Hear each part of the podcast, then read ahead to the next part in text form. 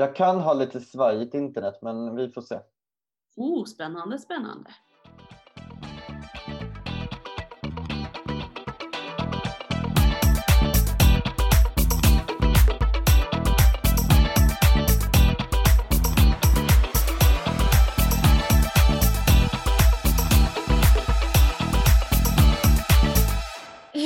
Välkomna till eh, Fidos schlagerpodd. Det är finalvecka! Jag heter eh, Fido och med mig har jag mina vänner Jakob och Johannes. Välkomna! Tackar, tackar. Eh, det här är ju en fantastisk vecka på många sätt och den är ju så spännande och den blir så sjukt nördig en sån här vecka. Ja, verkligen. Eh, och vi brukar ju säga att vår podd är liksom, eh, ja men vi, vi brukar mest bara snacka, men idag kommer vi faktiskt nörda ner oss lite. Men jag vet också att våra av våra lyssnare tycker om det, för då kan man få styla i soffan på lördag. Eh, för att man har lite bättre koll än vad en eh, vanlig person har, så att säga. Men det är väl inte så svårt att ha lite koll än en vanlig person. Nej, jag. hur? Så är det ju.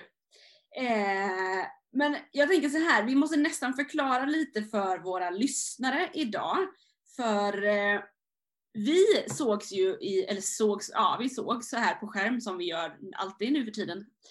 Eh, igår med vårat eh, schlagergäng och pratade massor. Så vissa saker, jag tänker nu, alla våra lyssnare har ju inte hört allt vi sa igår. Så det kommer bli lite så här småsnurrigt, vad sa vi igår, vad säger vi idag? Men eh, så om det är någonting man inte fattar så kanske man helt enkelt får tänka in det. Det var någonting vi pratade om igår. Men vi ska ju prata om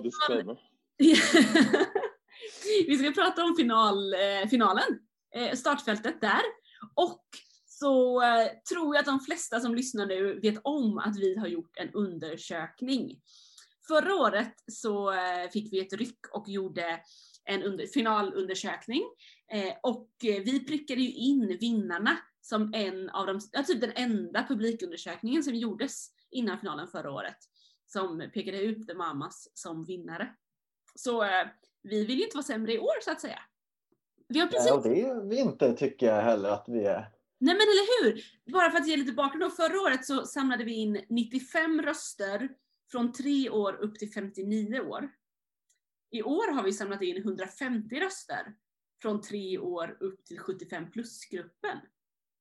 Så att på ett sätt har vi ett bättre underlag i år för att vi har täckt in alla ålderskategorier. Mm. Ehm, men däremot så inser vi ju att det är en alldeles för liten grupp människor för att kunna ge något helt statistiskt eh, underlag, så att säga.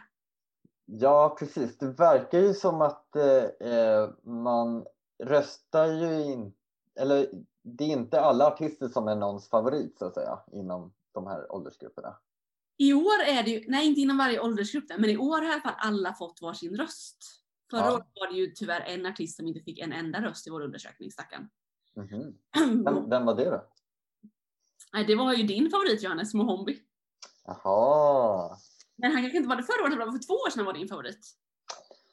Eh, När var, ja, det var något år. De brukar ju vara en favorit första året och sen andra året gör de mig besviken. Ah, Det är lite, eh, Mohombi var väl då, dåtidens Paul Ray så att säga. ah, så i år är det Paul Ray som är din sån? Att du är lite Ja, min, min besvikelse. Ah, typiskt. Stackarn. Men det är ju så, men de har ju lite Ja, att liksom leva upp till. Så är det ju. Men vart ska vi börja tycker ni? Ska vi börja i vår undersökning? Eller ska vi börja i startfältet? Äh, vi börjar undersökningen och så kommer vi prata igenom allting. Ja, men jag tänker bara för någon som eh, är helt grön på det här Ja. med Melodifestivalen och att finalen är, oj är det redan? Eller har inte det där eh, slutat för länge sedan? Vad, vad håller ni på liksom? Så tänker jag att bara, vilka är det som är i final? Precis, det kan vara intressant att veta. Det kan ju faktiskt vara någon som tänker, jag kollar bara på finalen. Så vi har ett startfält. Eh, jag rabblar helt enkelt upp startfältet. Det är Danny Saucedo med låten Dandy dansa. Vi har Klara Hammarström med Beat of Broken Hearts. Klara var ju debutant förra året och kommer tillbaka. Hon kom inte till final förra året, men nu kommer hon via Andra chansen. Vi har Anton Ewald, en gammal goding, eller på att säga, med New Religion. Eh, vi har The Mamas. De är med i tävlingen tredje året i rad, med In the Middle. Paul Ray, då, som är tillbaka, debuterade förra året, kom tillbaka nu med låten The Missing Piece, också i final via Andra chansen. Vi har eh, schlagerdrottningen Charlotte Perrelli med låten Still Young. Vi har Tusse med Voices. Tusse som vann Idol 2019. Vi har Alvaro Estrella med Baila Baila. Vi har Klara Klingenström med låten Behöver inte dig idag till final via Andra chansen. Det var även Alvaro glömde jag säga. Eh, vi har Erik Sade med låten Every Minute. Dotter, som också är tillbaka i tävlingen, var med förra året och för eh, tre år sedan. Tre år sedan. Tre år sedan. Med låten Dotter, nej, Dotter med låten Little Tot. Och vi avslutar med Arvingarna tänker inte alls gå hem. Det är ju ett, jag vill bara säga att det är, jag tycker det är ett väldigt bra startfält. Jag har ju poängsatt till eh, tidningen Dagen som kommer komma ut här eh, på fredag. Och då var det ju in, all, den som jag tycker sämst om fick ju ändå 3 av 5 liksom. För att jag tycker ändå att det är, vi har sorterat ut det som inte var så bra. Mm. Och sorterat ut lite som också kanske var bra. Det, det är alldeles för tidigt i den här tävlingen. Men vi har ju då våran undersökning som vi nu har gjort. Alltså precis innan vi tryckte på REC så blev den färdigställd här i vårt dokument. Så att vi har inte hunnit prata med varandra om vad vi tänker och tycker. Eh, tycker, ja, tänker på av resultatet. Ska vi presentera vinnaren i resultatet? Ja! Kör! Kör Frida! Och vi har ju faktiskt en supertydlig vinnare i den här undersökningen. Det är faktiskt så. Och eh, det är en helt annan vinnare än vad vi hade i våran eh, omröstning med våra vänner igår. Eh, vilket gör att jag tänker att ingen av oss har ju det här som en favorit. Men vi har upptäckt att typ halva Sverige har Tusse som sin favorit. Mm. För er som inte vet hur röstningen går till i, i Melodifestivalen så är det så att varje ålderskategori som röstar via hjärtat delar ut totalt 58 poäng. 12, 10, 8, 7, 6, 5 ner till 1 då. Eh, och så har vi gjort också i vår undersökning. Vi har delat in i åldersgrupper och då får Tusse 12 poäng av alla åldersgrupper förutom den yngsta som ger Tusse sin 10. Alltså han är eh, nummer två på listan. Ja. Så det är ju en tydlig favorit. Ja, jag, jag är ändå lite förvånad att det är så pass brett över alla åldersgrupper verkligen. Mm. Eh, jag hade nog tänkt att det skulle vara mer spritt mellan typ Danny, Tusse och The Mamas typ. Dotter tycker jag också fick eh, ovanligt lite eh, i den här undersökningen. Mm. Vi kan ju säga då att på plats nummer två i den här undersökningen kom då Danny. Och han har nästan 30 poäng mindre. Det säger ju kanske inte jättemycket för er som lyssnar, men det är ändå ett ganska bra hopp ner till Danny. Och sen är det ganska tight till The Mamas. Och sen så är det ett ganska bra hopp ner till Eriksade. Eh, är det, alltså, jag funderar på hur förvånansvärt är det att The Mamas ligger där uppe som nummer tre liksom. Alltså jag, ju, jag, jag tycker vi har snackat mycket om att Dotter och Erik Sade var så fantastiskt bra. Eh, och liksom att The Mamas är jättedåliga. Nu hejar jag ju på The Mamas. Mm. Men, så, så jag blir så här, ja, men att, så jag undrar varför seglar de upp högre än liksom Dotter och Erik Sade liksom? Jag tänkte säga att kanske fansen inte faller lika lätt för tycka synd om grejen. Att det kanske är mer att eh, folk i stugorna eh, tycker synd om att de inte vann förra året och har känslan av åh, men de var ju härliga förra året. De, röst, de var ju lika bra i år. Kanske är det så. Eh, för Dotter och Erik som kanske är väldigt populära bland fans eh, gör ju inte så bra i den här undersökningen. Nej, och jag tror när jag Alltså innan, jag, innan vår undersökning var klar så har jag, hade jag tippat Tusse vinnare för jag tänkte ändå jag såg det tydligt.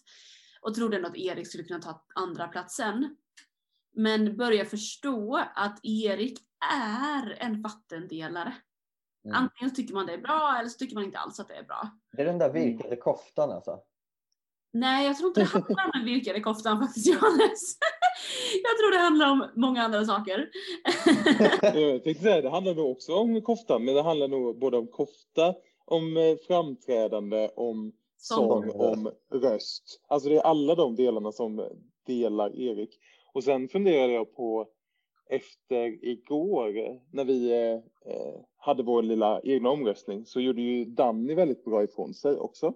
Mm. Men han vann till och med, kanske i våran. Han vann i våran omröstning. Han vann ju våran, ja. Jag tittar. Ja. Oj, vad han vann. Eh, nej, men eh, och då har jag också funderat lite på, för det vet jag att eh, eh vår kära vän Peppe säger ju ofta att Melodifestivalen är ju glädje, det ska vara fest och sådär. Och då har jag funderat på att om i år, när det då har varit corona, så kanske folk också vill ha mer glädje. Och då kanske Danny är den glädjen som folk vill ha. Mm. Jag tänker Arvingarna är också glädje i det här startfältet, men folk kanske mer gillar Danny. Och att Erik har ju inte så här partyglädjenummer. Eh, att folk, folk är ute efter glädjen och det är därför The Mamas kanske också gör eh, bättre i den här undersökningen. Folk vill ha den här glädjen.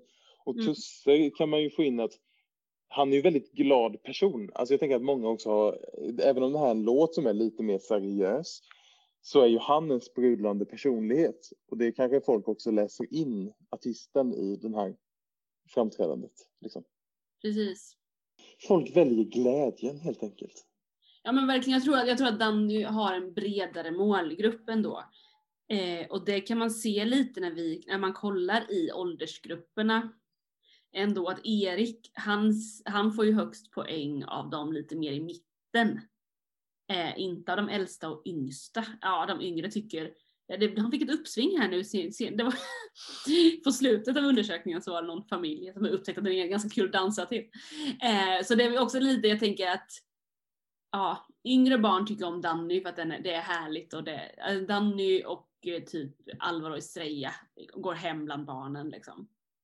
Ehm, ja, jag vet inte, det är mm. sjukt svårt, men jag tror verkligen det ligger någonting i det du säger, Jakob. Men barnen hade ju väldigt stor spridning också bland sina favoriter. Ja. Eh, för det var ju, eh, Danny eh, vann ju bland barnen, Tusse tvåa och sen är det The Mamas, Alvaro Estrella, Erik Sade och Dotter som delar på liksom en tredje plats eller eh, ja. är tredje favorit bland barnen. Så att det är, så inom åldersgruppen så är det väldigt stor spridning på vilken som är favorit. Ja. ja, men så är det ju. Och där tror jag också lite de, de yngsta grupperna i en sån här undersökning så tänker jag att eh, det är lite för dagen när man frågar, om jag, om jag frågar en sexåring, vem hejar du på? Ja men då är det ju typ den låt man hörde senast. Eh, så, och att kanske att de röstar ganska mycket på ganska många i finalen det var lite samma sak med 75 plus ska jag säga. De bara, ja jag minns inte så många men Arvingarna brukar ju vara bra. Jag röstar på Arvingarna. att det är också lite sådär, de bara, ja nej, men den är ganska trevlig. Eh, men det är ju fascinerande att Tusse liksom fick alla 12 år förutom yngsta gruppen. Det och där fick en tia. Där fick han en tia. Jag ska lägga till också att i finalen så är det också telefonröster. Och telefonrösterna blir som en, en åttonde grupp liksom. Där kan man fundera på, där är det kanske de mest hängivna fansen som ringer. Och då kanske inte Tusse helt givet kommer vinna den gruppen. Och sen har vi internationella juryn också. Mm. Som brukar premiera god sång. Ofta, brukar man ju säga. Och, eh, bra, bra produktioner är det väl också de brukar gilla. Ja, ja men väl, ja precis. Välproducerat. Ja. Ja, den, den brukar jag tycka är ganska svår, för den är också svår att förutsäga. För Johan, Jakob, du har ju försökt göra en annan undersökning. Ja, den kan vi komma till. Jag tänkte bara säga en sak här. Mm. Det är ju att det, är ju, det som är lite tråkigt är att vi kommer ju inte in med något nytt rafflande besked här med våran undersökning. Nej. När man liksom, när man liksom tittar på oddsen och Tusse har legat på liksom över 50 procents chans att vinna eh, sen han var med. Så det, det är ju inte så. Shout out till alla som tänkte betta utifrån vårat eh, resultat. Jag vet till exempel min Inte bror. stödjare egentligen. Nej, det gör vi inte. Eh, absolut inte. Men eh, liksom, ni, ni, ni får det sämsta. här- eh, sämsta Tåget har gått. Exakt. Ni Ja. skulle, ha- ni, skulle, ja, ni skulle ha bettat på Tusse innan det började. Precis. Nej men det hade ju varit kul om man kunde se Ja, förra året var det tajt och det kunde man ändå så här urskilja lite men vi såg en ganska tydlig vinnare i vår undersökning som var The Mamas. Men det, sen blev det ju supertajt i finalen. Mm. Eh, det, så jag tänker det behöver inte alls bli så här att han vinner så stort kanske. Men jag tror nog ändå att det är en tydlig hint om att han kommer vinna. Kom, kommer poängen presenteras på samma sätt som tidigare år? Ja, jag tror det. Jag har inte hört något annat i alla fall. Nej. Alltså att de delar ut färskt poäng först och så går de vidare. Eller att de delar ut poäng till den som har färskt efter jurygrupperna. Hur har det varit sista åren? Mm. I Mello, i Eurovision har de ju kört senaste åren att den som ligger Sist. sist det. sina poäng först. Precis. Nej, så var det nog inte i Melodifestivalen. Där fick, där fick nog eh, den som fick färskt poäng fick sina poäng först. Och sen så, så där var det inte beroende på vilken placering man hade efter juryrösterna. Okej. Mm. Ja. Ja. Det, det skulle ju vara, för, det, för i, i direktsändningen så då liksom försvinner ju lite den här ana, analysen som vi gör nu av att det liksom, de olika åldersgrupperna har, har olika favoriter. Mm. Eh, man skulle ju kunna ha det att, att eh, en representant för varje åldersgrupp eh, ger sina poäng. Liksom. Något gulligt barn ger poängen från eh, 3 till 9 och eh, ja, men Det och så hade varit vidare. Liksom. Ja, men det hade varit underbart. Nice. Men så var det väl förr när det inte var, då var det ju olika åldersgrupper som satt vid bord, typ 80-talet. Att då var det så här 30 till 40-åringarna satt vid ett bord och röstade och gav sina poänger. För att någon reagerade på att de såg så sjukt gamla ut. Eller de bara så här, oj, är det där 20 till 30 årsbordet? Ja, ja, okej, de ser ut att vara 50. Typ. Ja, ja, okej. Mm. Det låter supermysigt. Det hade varit en dröm. Ja, Det kan ju bara att det tar lite längre tid. Då blir det liksom två sådana. Ja, men vad då? Det var- är väl på nyårsafton och Melodifestivalfinalen som man får vara uppe till efter midnatt, eller hur var det Jakob? Ah, Eurovision. Eurovision är det efter midnatt. Det känns som att Melodifestivalsfinalen den är ganska kort. ja. Den slutar ju typ halv elva. Nej, 10 tror jag. Tio. Åh. Det är ju unga kvällen. Men det jag tänkte på att nästa vecka eller nästa gång vi spelar in en podd, eller kanske nästa, gång, vi får se när vi spelar in podd nästa gång. Men då kanske vi också har röstningssiffrorna. Då brukar man kunna se det här. Eh, hur gick det i de olika åldersgrupperna och så vidare. Men Jakob, vad, vad tycker eh, Eurovision-fansen då? Ja, nej men jag har ju då gjort en liten, jag tror att jag gjorde någon lite liknande undersökning förra året med liksom vad ska vi skicka för att det ska gå bra?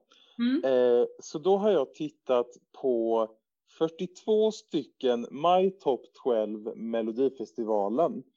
Eh, och Vänta, vad jag, sa du? Har, du? har du personligen tittat på 42 stycken My Top 12?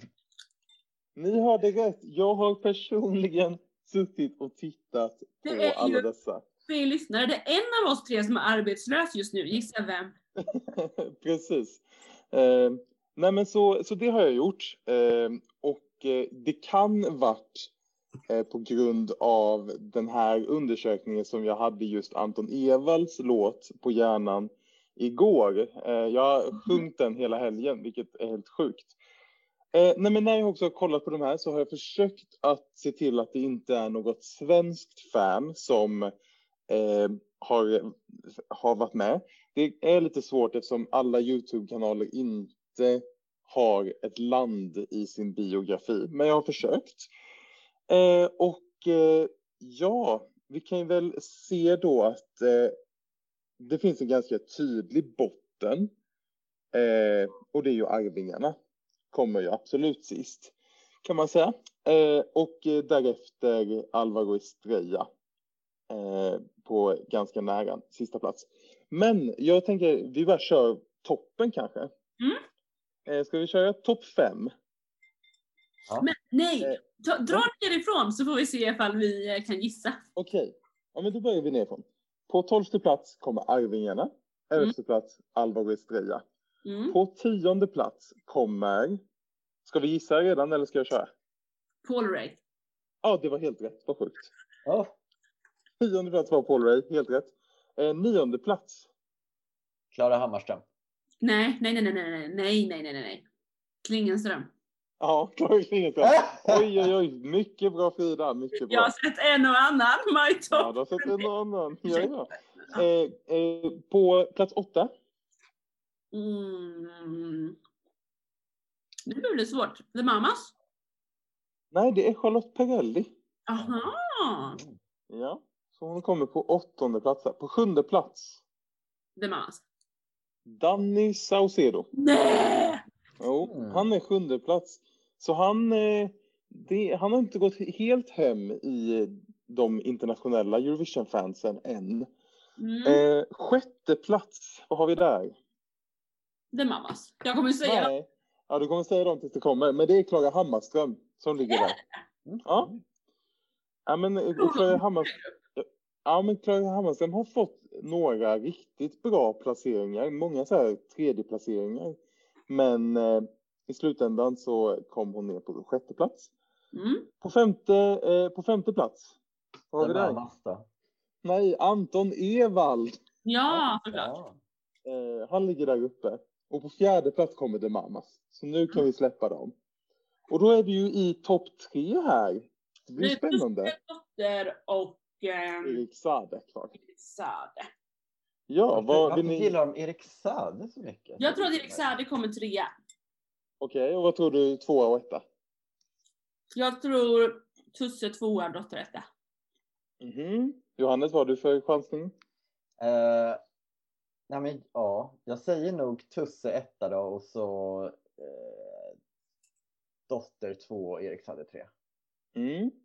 På tredje plats så kommer Tusse. Mm. Mm. Han ligger där. Eh, och ungefär 50 poäng skiljer honom mot... Nej, 40 poäng skiljer honom mot tvåan. Och sen mellan tvåan och ettan så skiljer det ungefär 15 poäng. Jaha, okej. Eh, och på andra plats i den här undersökningen så kommer Erik Sade. Och Mm. första plats kommer Dotter. Mm. Och just Dotter är ju inte, enligt mig, en så eh, skrällig etta. För Nej. Eurovision-fansen älskar ju också Dotter sen förra året. Och eh, vill ju att det ska bli eh, Dotterdam eh, Mm. i år. Och ville det förra året. Eh, men jag har också gjort lite annan statistik här. Mm. Eh, och kollat på vem som fått flest liksom, poäng eh, av flest personer. Alltså vem har fått flest tolvor till exempel. Eh, och då kan man säga att Erik Sade har ju fått flest tolvor. Han har fått 17 stycken Mm. eh, av de här 42. Och eh, Dotter har fått 12 eh, stycken tolvor. Eh, men Dotter har också fått 17 11, eh, 17, vad har jag skrivit här? 17 tior blir det ju då. Mm. Eh, och eh, här känns jättekonstigt, vänta lite. Jag tror att jag har gjort något litet fel här i mitt Excel-ark. Oj, oj, oj. Eh, ja, det, är var ju farligt det där. Ett litet knapptryck Ja. och så bara... Är allting Nej, just det. Nej, men just det. Nej, det var inte fel. Vänta, nu måste vi bara se till här. Nej, men för att så här. Förlåt för rörighet. i den här undersökningen så har ju inte jag gett dem poäng som man gör i Melodifestivalen. Eh, utan de har fått liksom 1, 2, 3, 4, 5, 6, 7, 8, 9, 10, 11, 12 poäng. Så de har fått liksom poäng utifrån Mm. deras placeringar. Så eh, Erik har fått 12 styck, eh, 17 stycken första placeringar av fansen. Ja. Medan Dotter har fått 17 stycken andra placeringar. Mm. Eh, och då kan man också, om man tittar lite snabbt på de här siffrorna, och så som jag sa, Dotter har fått 12 stycken första placeringar. Eh, om man kollar på vad Erik har fått resten så är det ganska låg, alltså han har inte fått så mycket andra typer av poäng. Vilket gör att, ja men antingen så har han de där första placeringarna eller så ligger han i mitten någonstans och skvalpar. Eh, Medan till exempel Tusse har väldigt många både andra, tredje, fjärde, femte placeringar. Eh, han ligger där och rör sig väldigt mycket och på det sättet hamnade han uppe på första plats. Just det. Och Arvingarna fick ju hälften av, äh, hälften av de här videosarna så låg de ju sist på hälften av de här. Men Så ja, nu är ju frågan, vi säger att så, här, så vi borde skicka Dotter för då kommer det gå bra i Eurovision. Är det verkligen så? För det här är ju sjukt nördiga Eurovision-fans som gör såna här filmer på YouTube. Och det är ju bra många fler än sjukt nördiga Eurovision-fans som röstar i Eurovision. mm. Ja och det här, det här tror jag att vi har pratat om varje år, eller jag tar upp det varje år, för jag tycker alltid det är så himla svårt att förstå vilka det är som röstar i Eurovision. Ja. Alltså så här, vem är jag? För jag menar, jag ringer ju typ aldrig in och röstar på Eurovision. Nej. Så, och jag är ju då ett galet fan. Ja. Men ringer en, eh, liksom en babutjka i Polen och röstar? Alltså, vem är det som röstar? Jag vill ha röstningsstatistik tror jag. Ja, men jag vet inte heller riktigt vem det är som röstar. Men hur eh, var det, för jag tänker 2018 när vi var i Lissabon och Ehm, Benjamin Ingrosso eh, representerade Sverige, då blev han ju älskad av liksom jurygrupper men fick ju väldigt lite telefonröster. Hur, minns du Jakob hur det var det året? Vad, vad eh, fansen ville ha från Sverige då? Alltså var, var Benjamin Ingrosso någon som fansen ville ha eller? Jag tittade inte på så många sådana här, alltså bara utifrån Melodifestivalen-låtarna. Eh, vet, det var nog inte lika många som gjorde sådana då. Men jag tittade på ganska många My Top eh, 40 Eurovision. Där vet jag att eh, Benjamin Ingrosso ungefär låg på tionde plats. Eh, han Ja. liksom var inte folks medel- favorit. Nej, men Nej. precis. Eh, så han, folk hade han, han som ungefär lika bra som han landade sen i slutresultatet. Just det. Ja, precis. Ja men för det blir ju väldigt spännande att se hur det kommer gå för Tusse. Eh, för om det, man märker att i Sverige så är det en sån... Det känns som att det är många som bara åh det är så bra. Eh, Även om inte vi är just i den gruppen, eller alltså, vi tycker inte det är dåligt tror jag inte någon av oss tycker kanske. Men det är liksom inte någon favorit hos oss och hos våra schlagervänner.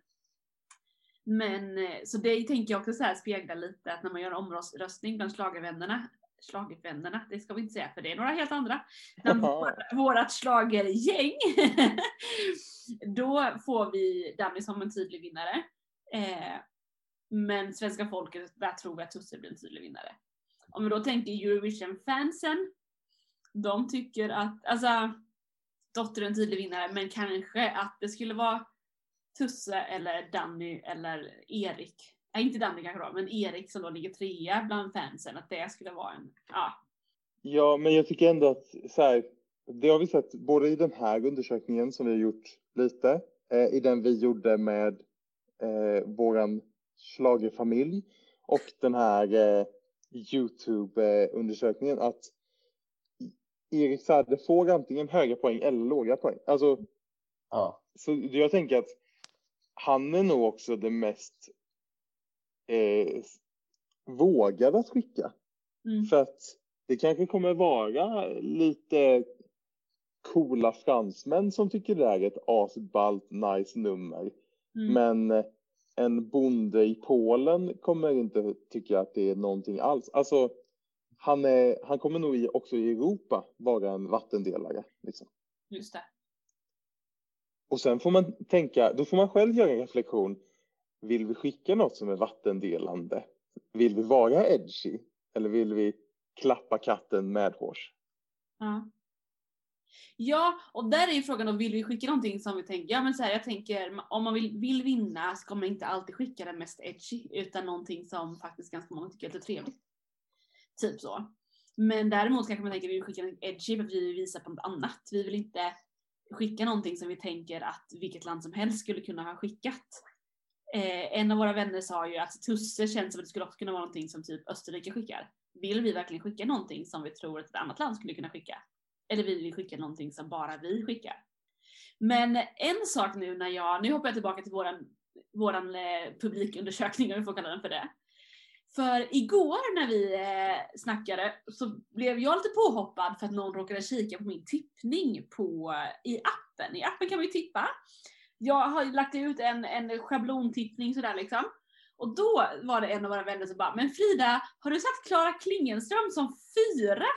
Och alla bara typ asgarvade och tänkte att nej, det kommer aldrig gå. Men i våran undersökning nu så är hon ändå femma. Så jag vill bara säga att jag tror att hon kommer vara den som skräller. Kommer vara den av Andra chansen-artisterna som får bäst resultat i finalen. Jag tror absolut att hon skulle kunna komma femma. Mm. Fyra, femma. Ja, men hon, har ju, hon har ju skrällt genom hela, hela tävlingen. En- Alltså från deltävlingen skrällde hon in i andra chansen, skrällde upp till finalen. Hon kan nog skrälla upp i några placeringar i finalen också, absolut. Ja, nej, så det, det, Absolut hon är ju inte barnens favorit, men eh, däremot så är det ju många äldre. Nej, men förra helgen så pratade jag med några människor och då var deras input, eller vi du vet så här, jag tänker det är alltid kul och speciellt nu när jag träffar så lite folk mot vad man brukar göra i vanliga fall. Så tog jag min chans när jag träffade liksom folk. Jag bara, vad tycker ni om mello nu då? Vad säger ni liksom? Och de kollade ändå de flesta och sådär. En kul grej var då att de, någon berättade ja nej men min son var ju låtskrivare i Islands tävling för två år sedan. Ja, power! I Sundvakeppning, så jag då, de bara skrattade. Ja, det är en annan story. Men, då började vi prata om Klara Klingenström. Eh, och där de sa att ja men alltså utanför Melodifestivalen så är det verkligen en sån låt jag skulle lyssna på. Men det är ingenting jag tycker riktigt ska finnas i Melodifestivalen. Och då kände jag så här, oj! Då, då sa jag faktiskt att nu får du nog förklara för mig vad du menar. För jag tänker att all musik ska kunna finnas i Melodifestivalen. Varför tänker du inte att Klara ska vara där liksom? Och då fick jag till svar att, att han tycker att i Melodifestivalen ska man göra ett stort nummer. Det ska vara mer av Sean Banan än av Klara Klingenström. Liksom. Alltså det ska vara mer show. Eh, och att hon gjorde det lite för avskalat. Men är det inte det här, jag tänker inte, är det inte den synen på Melodifestivalen som gör att folk tänker att det bara är ett ståhej och blaha?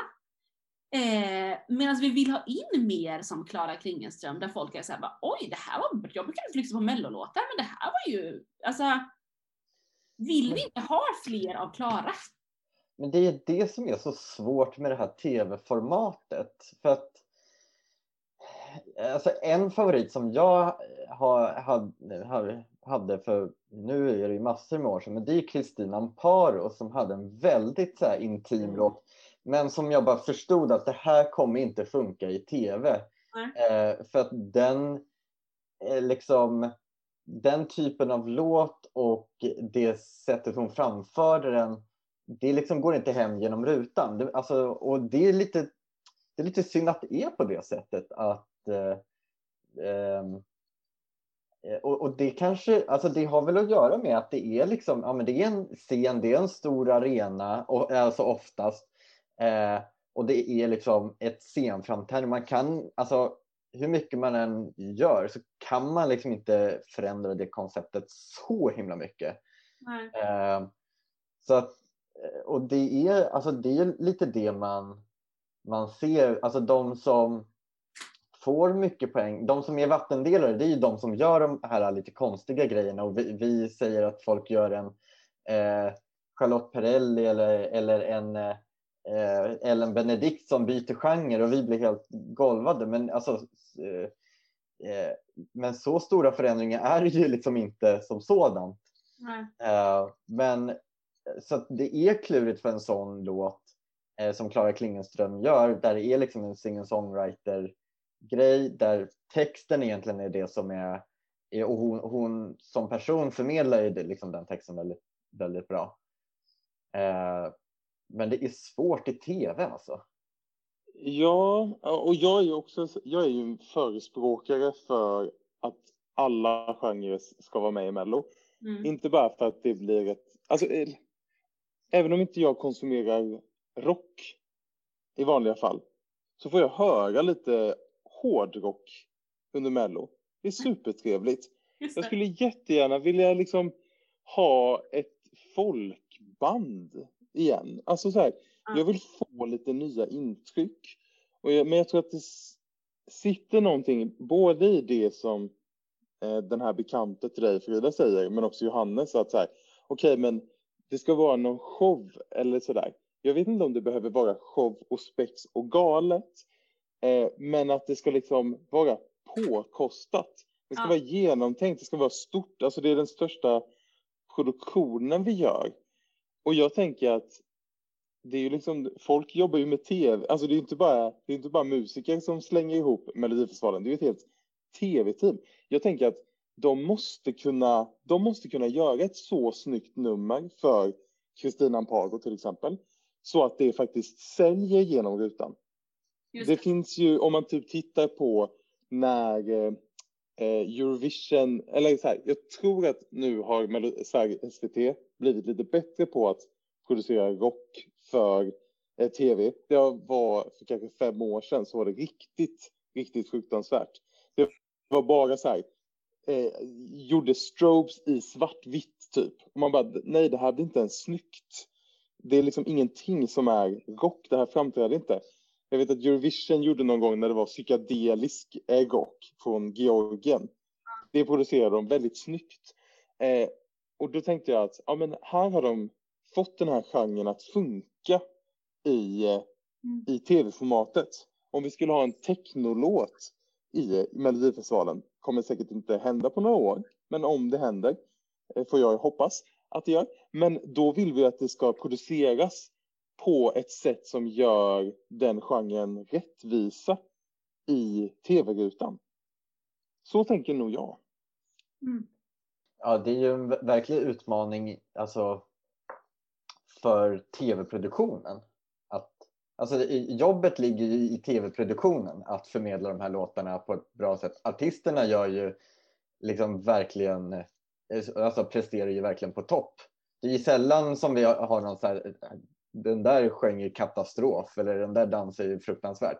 Mm. Utan det är verkligen eh, hur, hur ska vi paketera det här så att det engagerar folk att faktiskt rösta. Ja, men jag tänker för skulle jag gå på en konsert med Klara Klingenström, då skulle hon ju inte ha, alltså då skulle det se ut ungefär sådär som det gör. Eller? Ja, ja det tänker jag. Att ge rättvisa till genren, det hade varit jättekonstigt. Om det var en, en liksom, dans och... Pyro och grejer. Ja, det hade liksom inte... Vilket gör, men går jag på en konsert med Danny så är det show in i kaklet liksom. Mm. Där är det två helt olika uttryck och det är det jag tycker att hur gör man då rättvisa för en sån genre som Klara representerar så att folk fattar att den också kan vara med i Mello utan att ha ett stort nummer. Ja, men det, jag tänker att man får ju jobba då med kamerorna på något sätt, med ljusen. Att det liksom inte, att det inte bara är, det har Peppe pratat mycket om, men inte bara ljus rakt framifrån. Det ska vara lite andra ljus. Kännas, kännas mer som att det här är lika välproducerat som Dannys framträdande. Mm. Det är liksom lika genomtänkt som hans, fast Klara bara står på en scen med en gitarr. Just det. Eh, och, men, det, men det kanske också är, det kanske också är kläder, det kanske är ljus, det kanske är eh, bakgrunder, kanske kameraarbete. Jag är inte tv-producent, jag vet inte exakt hur man eh, får de här numren att komma till rätta. Men jag kan se när de inte gör det. Liksom. Men jag tycker ändå att när man kommer då tillbaka till Klara, nu är det inte per se mot henne, men det är ett bra exempel. Eh, jag tror att hon hade kanske, och den genren hade vunnit på att ha en publik. Eh, så man hade, det var en liten liksom interaktion. Men jag tycker också att de har lyckats med typ djupet på scenen, att hon står väldigt långt fram, man kan få det djupet. Eh, de jobbar, hon har ändå en, en skönt eh, scenspråk och så. Eh, så jag tycker nog ändå att de har gjort det bra där. Eh, men kanske att det skulle behöva höjas ännu mer då så att de här människorna som säger att det är inte en mello, låt som hör hemma i mello. För det tycker jag inte man kan säga om, ah, visst att man skulle kunna säga det om det är någon helt o, o, alltså, oskriven låt höll jag på att säga. Men alltså, det behöver ju vara välarbetade bidrag såklart. Om, om, någon, om jag skulle skicka in en låt och den kom med skulle jag inte säga att den skulle höra hemma där för jag kan inte skriva musik. Men eh, bara för att det är en viss genre tycker jag inte man kan säga att den inte hör hemma i Mello. Nej, och det, och det tycker jag ju också, det handlar ju... Men, det, men sen handlar det ju också om vad vi är vana vid, vad vi, vad vi är matade med. Ja. Alltså så här, det är klart att slager är en del av Mello, för att det har det ju alltid varit liksom. Så det handlar ju om att bryta några slags barriärer, få in genrer. Alltså att, att Tusse är med i år med den genren han gör, tycker jag är toppen.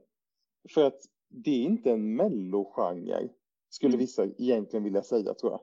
Men då kanske det har varit bidrag innan Tusse som har varit lite mer R&B-iga som kanske när de var med inte sågs som mellobidrag, men nu då när Tusse är med så har folk accepterat det.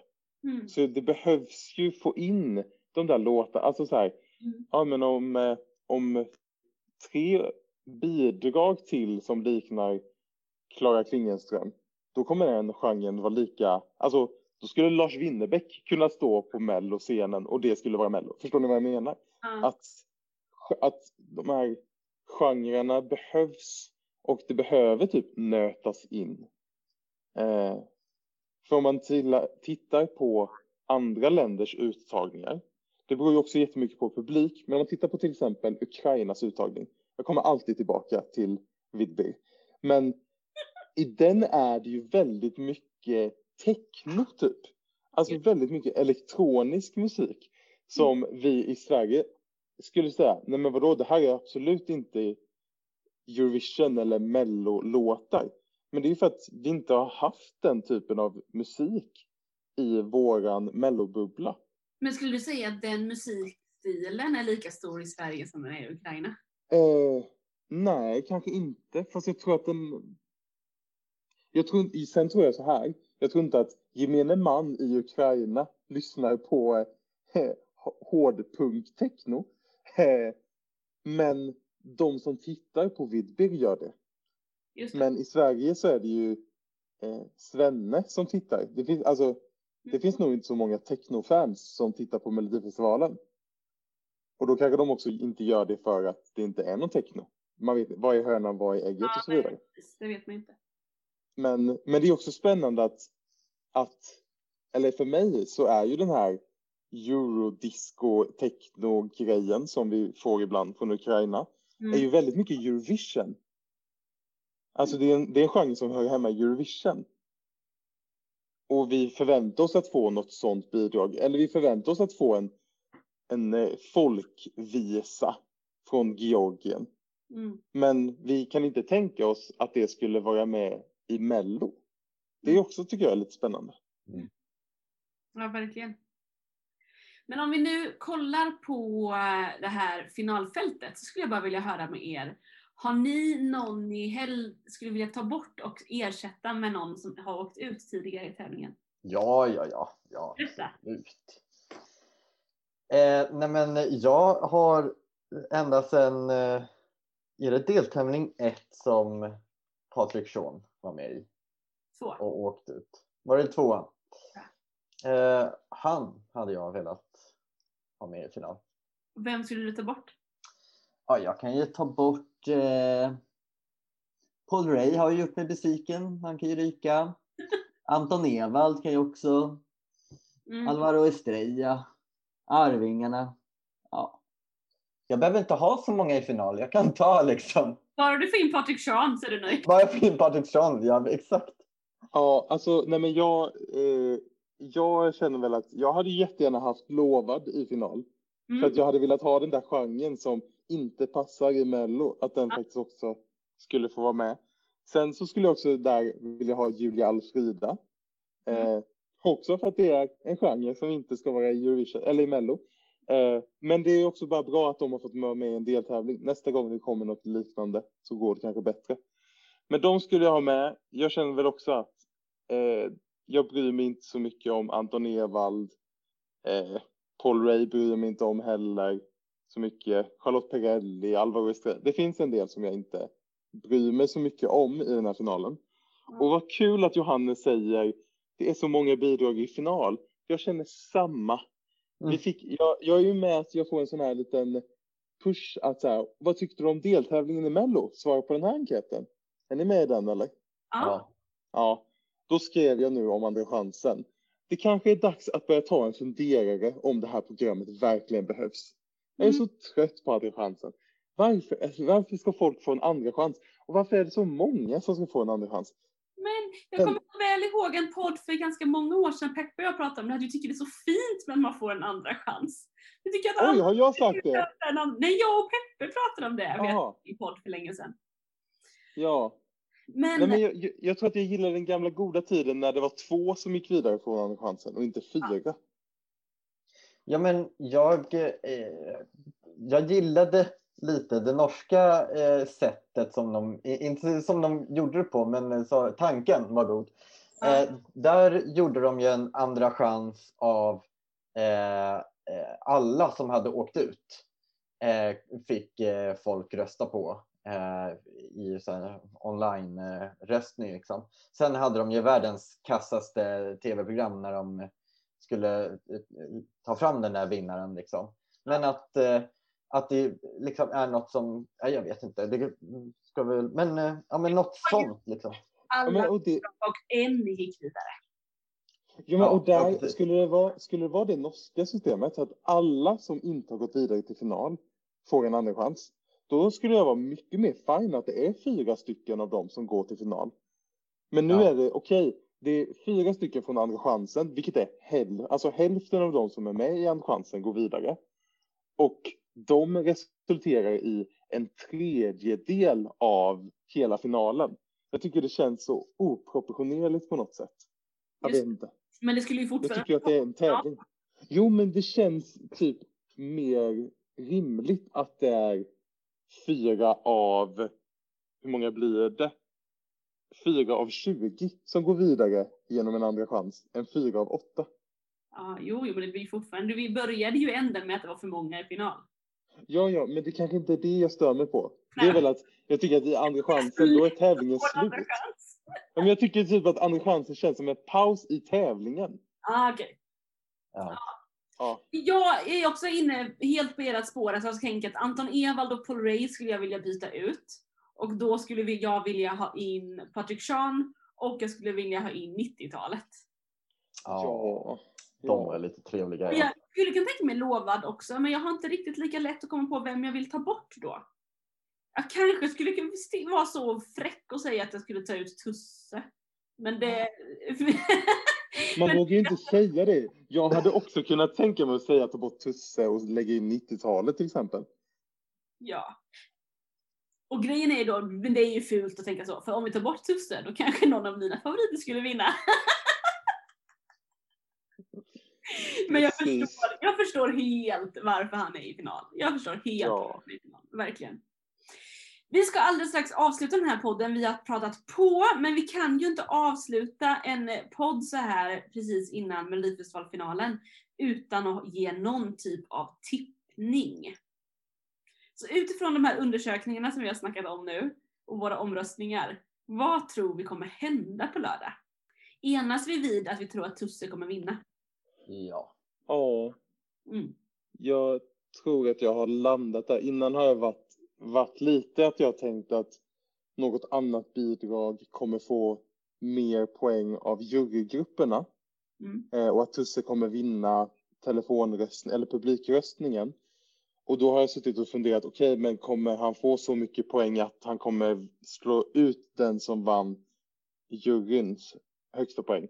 Men nu känns det typ som att Tusse kommer säkert få högsta poäng där också. Mm. Så därför känner jag väl nu att ja, Tusse vinner. Men det tar ju emot lite i kroppen. Men eh, jag skulle också säga det. Jag tror ju en topp tre på Tusse, Danny och Erik. Jag har inte riktigt landat i om jag tror att... Först tänkte jag Tusse, Erik, Danny. Så kommer det stå i tidningen Dagen att jag tippar. Men jag kanske efter den här ändå ger mig in lite på Danny. Men samtidigt så tror jag kanske att Tusse, nej, att Erik får ganska bra från internationella juryn också. Men ja, Jag tror det är de tre i alla fall det handlar om i toppen. Ja, jag funderar på om Dotter skulle slängas in där istället för Erik typ. Oj. Men jag vet inte varför egentligen. Vad tror du Johannes? Oh, jag tror... Alltså jag tror nog att våran undersökning här är eh, eh, nära sanningen. Så jag tror ju alltså eh, Tusse, Danny, Damamas. Mm.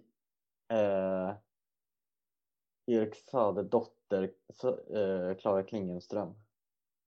Ja. Det är nog, eh, ja, jag tror att det är där topp tre-striden, ja, undrar hur tajt den striden kommer vara, men jag tror att det kommer vara Tusse de Mamas Danny Saucedo uppe i topp och sen kommer de här eh, Klara Klingenström, Erik Sade och Dotter kämpa om eh, nästa sjok platser.